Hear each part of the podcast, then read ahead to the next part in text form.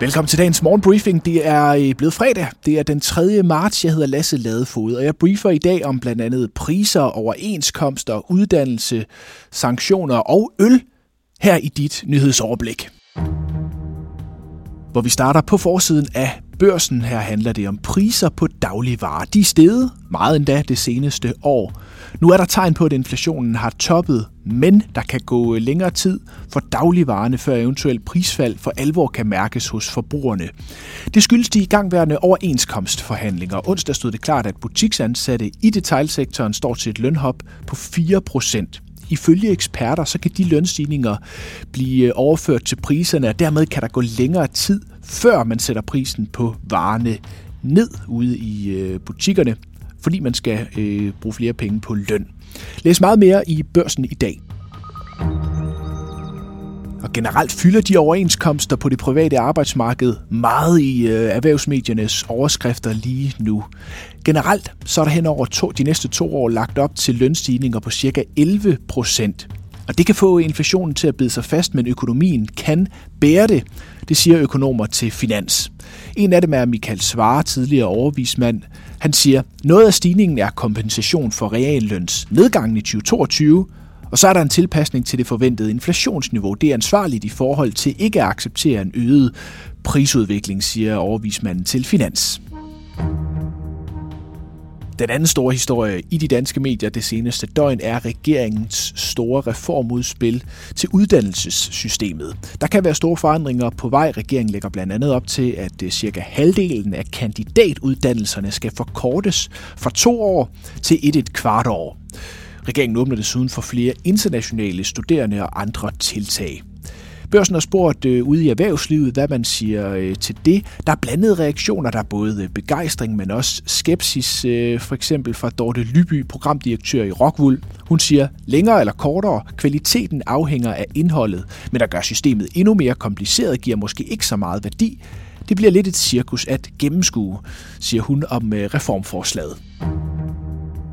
Det seneste døgns stærke danske regnskab kom fra Royal Unibrew. Omsætningen i øh, bryggeriet tog et øh, hop på 31 procent til 11,4 milliarder kroner sidste år. Til gengæld så halter indtjeningen en smule, og derfor kan det blive nødvendigt at hæve priserne igen i år på øl og andre læskedrikke, det siger topchef Lars Jensen til børsen. Investorerne de skummede til gengæld over begejstring for Royal Unibrew regnskabet. Mere om aktierne om lidt. Først lige et kig på de internationale medier. Financial Times skriver, at USA vil slå hårdere ned mod lande og personer, som hjælper Rusland med at omgå de europæiske sanktioner. Både europæiske og andre vestlige landes sanktioner mod Rusland grundet krigen i Ukraine.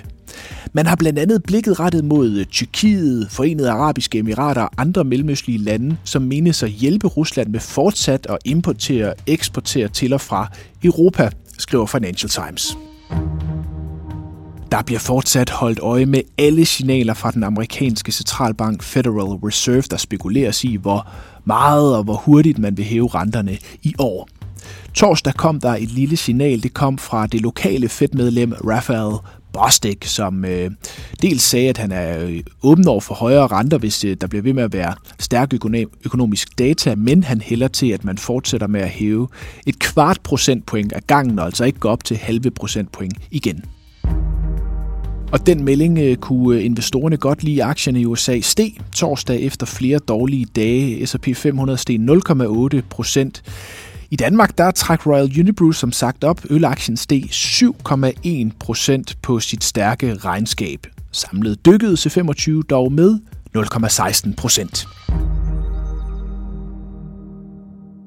Vi slutter igen i dag i den nyeste udgave af podcasten Topchefernes Strategi med børsens chefredaktør Niels Lunde. Her kan du møde partner i øh, konsulentkæmpen McKinsey Jens Ries Andersen. McKinsey har netop udgivet en stor rapport om Danmarks fremtid og hvilke globale kræfter, der bliver vigtige for danske virksomheder at udnytte. En af dem er kunstig intelligens.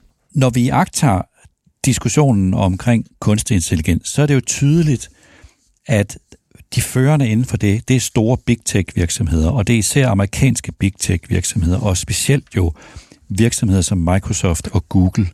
Danske store globale virksomheder, at vi jo, vi, de, de er jo slet ikke en del af det der. Er det vilkår, er det, er det et problem, eller hvad skal man, hvordan skal man forholde sig til det?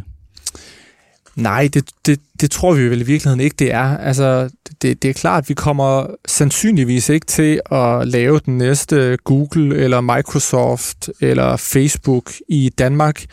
Men så længe de her globale markedsledere, som vi snakkede om lidt tidligere, at de er gode til at adoptere og være øh, hurtige på at få adopteret den her teknologi, så er det det mest afgørende. Og den gode nyhed er jo, at vores øh, selskaber og vores befolkning har øh, høje digitale kompetencer, og har dermed været gode til det øh, historisk, og det skal vi blive ved med at være.